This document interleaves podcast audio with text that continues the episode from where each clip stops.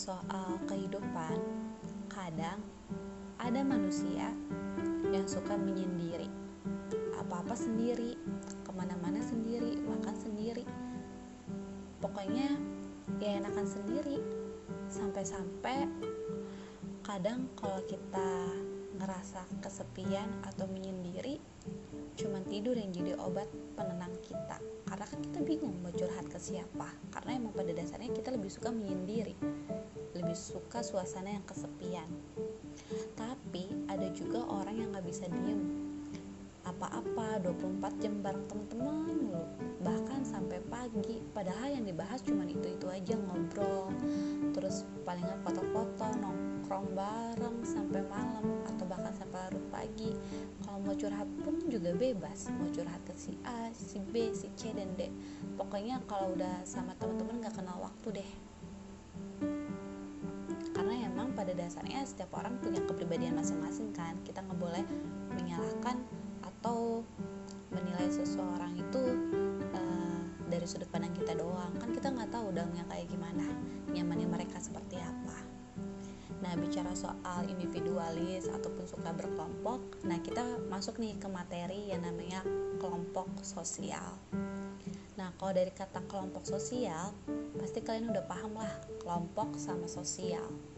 Kelompok bareng-bareng sosial umum bermasyarakat pasti kalian udah ngerti kelompok sosial itu apa. Tapi sebenarnya kalian harus bisa nih lebih uh, mengartikan kata kelompok sosial dalam sosiologi. Nah kayak gini. Jadi sebelum kelompok sosial itu terbentuk pada dasarnya kita harus melihat konteks dari diri kita sendiri ya. Sama kita harus melihat konteks di dalam kehidupan sehari-hari. Gak akan pernah terjadi suatu kehidupan kalau misalkan gak ada interaksi di dalamnya. Sebelum adanya interaksi, kita harus memenuhi syarat interaksi sosial dulu nih. Ini materi kelas 10. Kalian masih ingat nggak tentang kontak sosial dan komunikasi? Itu adalah syarat di dalam interaksi sosial. Ya, kalau kontak sosial dan komunikasi sudah terjadi, maka interaksi sosial pun pasti akan terjadi kontak sosial yang kayak gimana sih? Contohnya kayak gini. Misalkan kalian datang ke sekolah pagi-pagi ketemu guru piket tuh di meja piket terus kalian salim. Tapi nggak ada kata-kata apa nggak ada kata-kata atau kalimat apa-apa. Cuma kalian salim terus senyum. Nah itu namanya kontak sosial. Hanya saling menyentuh dan memberikan kode. Ya kodenya apa? Senyuman. Sentuhannya apa? Itu salim antara tangan kamu dengan tangan guru kamu. Itu kontak sosial. Ya nggak ada pesan yang disampaikan secara verbal ya di dalam kontak sosial tersebut. Yang penting ada kode dan ada sentuhan di dalamnya itu kontak sosial. Dan biasanya kalau kontak sosial ini jangka waktunya nggak nggak nggak panjang. Kayak misal komunikasi. Kenapa bedanya kontak sosial sama komunikasi? Kalau kontak sosial kan hanya saling menyentuh dan memberikan kode. Tapi kalau komunikasi ini ada tiga pelaku di dalamnya, yaitu komunikator, orang yang menyampaikan pesan, komunikan, orang yang menerima pesan, dan pesan itu sendiri. Ya, dan biasanya kalau komunikasi ini jangka waktunya ini jauh relatif lebih lama daripada kontak sosial. Kayak misalkan kalian udah SMA sekarang, tapi kalian masih punya WhatsApp grup anak-anak SMP kalian ketika bulan Ramadan nanti kalian mau bookmark tinggal ngechat ngechat tuh di WhatsApp grup anak SMP kalian. Itu komunikasi kan? Jangka waktunya lama bertahan nggak pakai waktu. Nah, coba kalau misalkan cuma kontak sosial pasti kalian hanya bisa uh, tos atau nggak say hello sama teman kalian di SMP pas ketemu langsung di tempat bukber itu kan? Nah itu bedanya kontak sosial sama komunikasi. Nah ketika kontak sosial komunikasi itu udah terjadi maka ada interaksi lah di dalamnya. Nah, di dalam interaksi tersebutlah yang akan membentuk yang namanya proses kelompok sosial. Karena apa?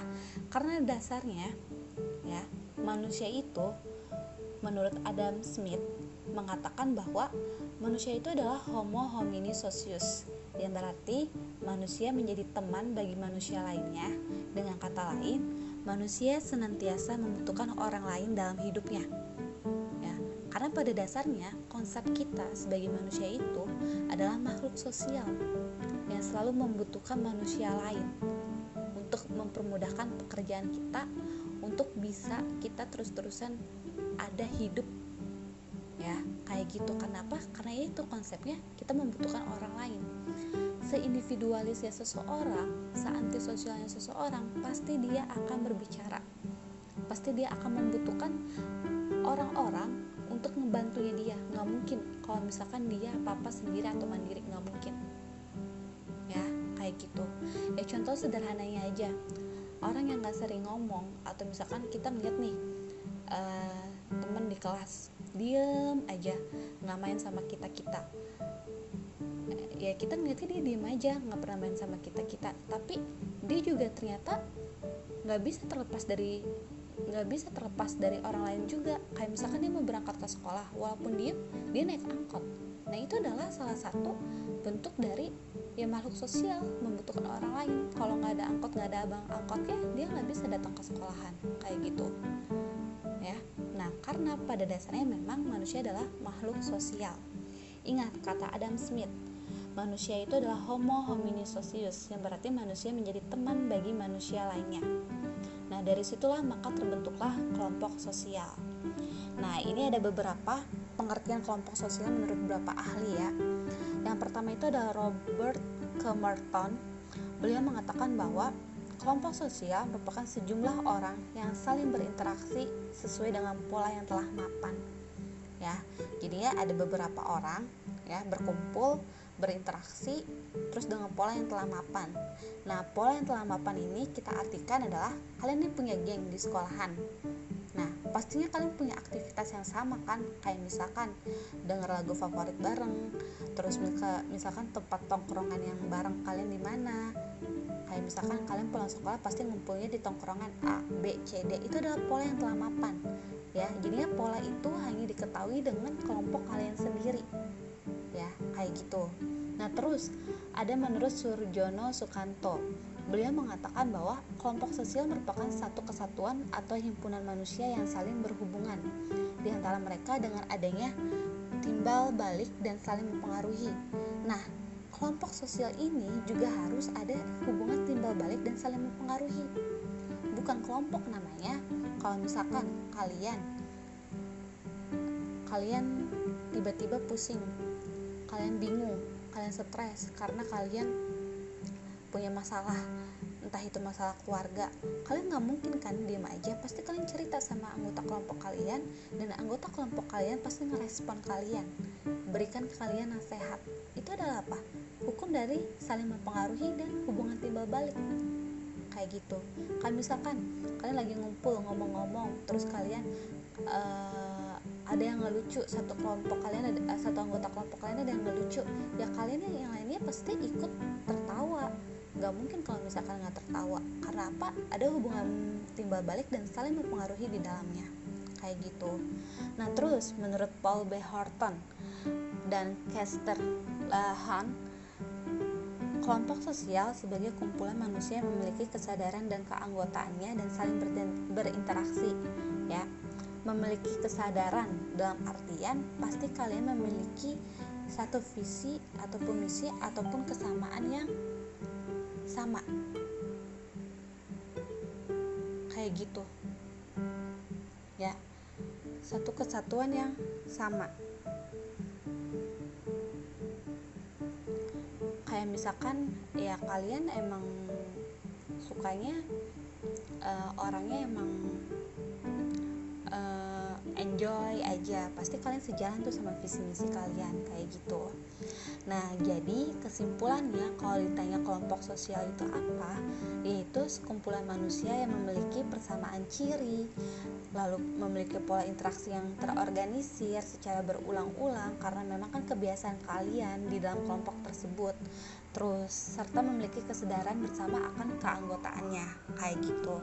Jadi paham kan apa itu kelompok sosial Nah, nggak semua hal itu kita sebut kelompok sosial, ya. Ada macam-macamnya. Yang terpenting, kalau kalian mau tahu itu kelompok sosial atau bukan, kalian harus lihat syaratnya. Ada empat uh, ada empat syaratnya. Pertama, terdapat hubungan timbal balik di antara anggota kelompok. Ini udah pasti ya. Hubungan timbal balik artinya ada respon di dalamnya. Kemudian adanya kepentingan bersama sehingga menciptakan kedekatan antara anggota. Ya, adanya kepentingan bersama dalam artian ya kita sama-sama udah nyaman, ya kita berkelompok bareng-bareng apa-apa sama-sama jalan bareng kayak gitu. Terus terdapat kesadaran dan rasa memiliki. Kesadaran dan rasa memiliki ini dalam artian adalah rasa empati dan simpati kita kepada anggota itu tulus. Dalam artian ya benar-benar. Dia teman kita ya apa apa kita harus bantuin. Kalau mereka teman kita kesusahan ya kita harus bantuin mereka. Kayak gitu. Karena apa? Karena ada kesadaran kita bahwa ya dia teman dekat kita itu sahabat kita teman sepermainan kita. Kayak gitu. Ada rasa memiliki. Kemudian yang terakhir adanya berstruktur berkaidah dan mempunyai pola perilaku berstruktur artinya terencana ya terus berkaidah ada hal-hal memang yang uh, sevisi dan mempunyai pola perilaku yang uh, secara berulang-ulang itu uh, setiap anggota pasti mengetahui. Kayak gitu. Ingat ya itu syarat terbentuknya kelompok sosial. Ada juga ciri-ciri kelompok sosial itu ada tujuh. Yang pertama mempunyai kepentingan bersama Lalu yang kedua, mempunyai norma atau peraturan yang tegas sebagai pedoman tingkah laku sehingga dapat mengatur hubungan antara sesama anggota. Lalu yang ketiga, mempunyai struktur sosial yang di mana setiap anggotanya mempunyai status maupun peran. Yang keempat, terdapat interaksi dan komunikasi di antara anggotanya. Yang kelima, mempunyai struktur sosial untuk membagi-bagi tugas bagi masing-masing anggotanya. Keenam, merupakan satu kesatuan yang nyata yang dapat dibedakan dengan kelompok-kelompok lain. Jadi, kalian harus tahu setiap kelompok itu pasti beda. Contoh, kita kebentuk kelompok sosial itu ada komunitas. Komunitas pencinta alam sama komunitas game online itu pasti beda dan memiliki visi dan misi yang beda, memiliki karakteristik yang beda ataupun ciri yang berbeda dan pasti anggota kelompoknya pun juga beda kayak gitu. Dan yang terakhir ini, ciri yang terakhir ini adalah setiap anggota mempunyai motif yang sama dalam kelompok sosial tersebut kayak gitu. Itu merupakan tujuh ciri-ciri kelompok sosial. Nah, lanjut. Di sini ada faktor pembentuk kelompok sosial. Yang pertama adalah faktor kepentingan yang sama atau common interest.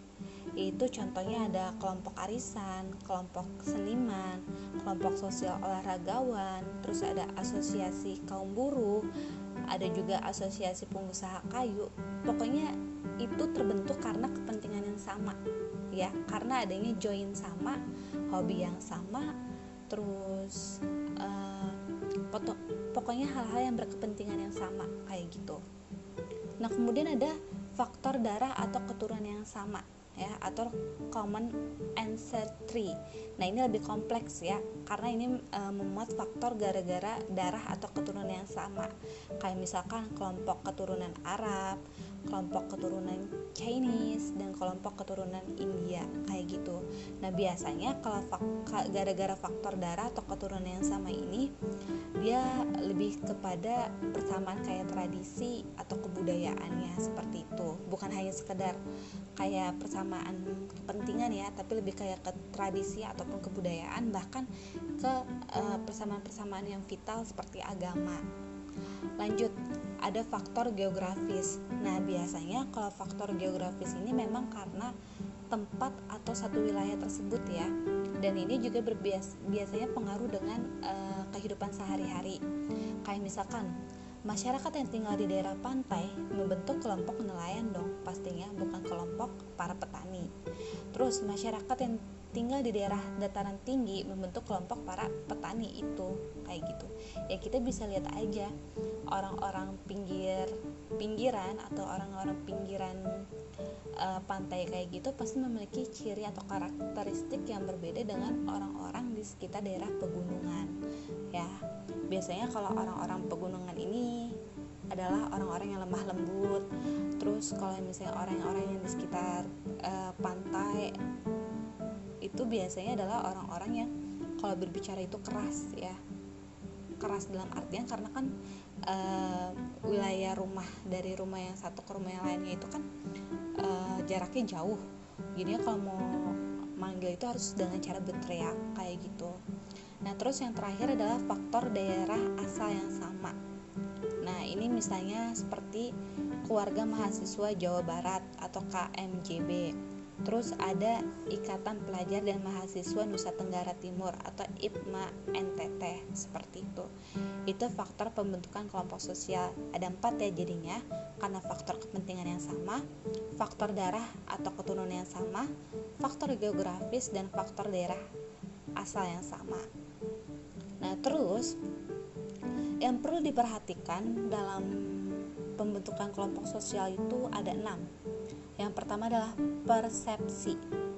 Ya, persepsi apa sih? Itu menunjukkan adanya persamaan pandangan dan pembagian kelompok.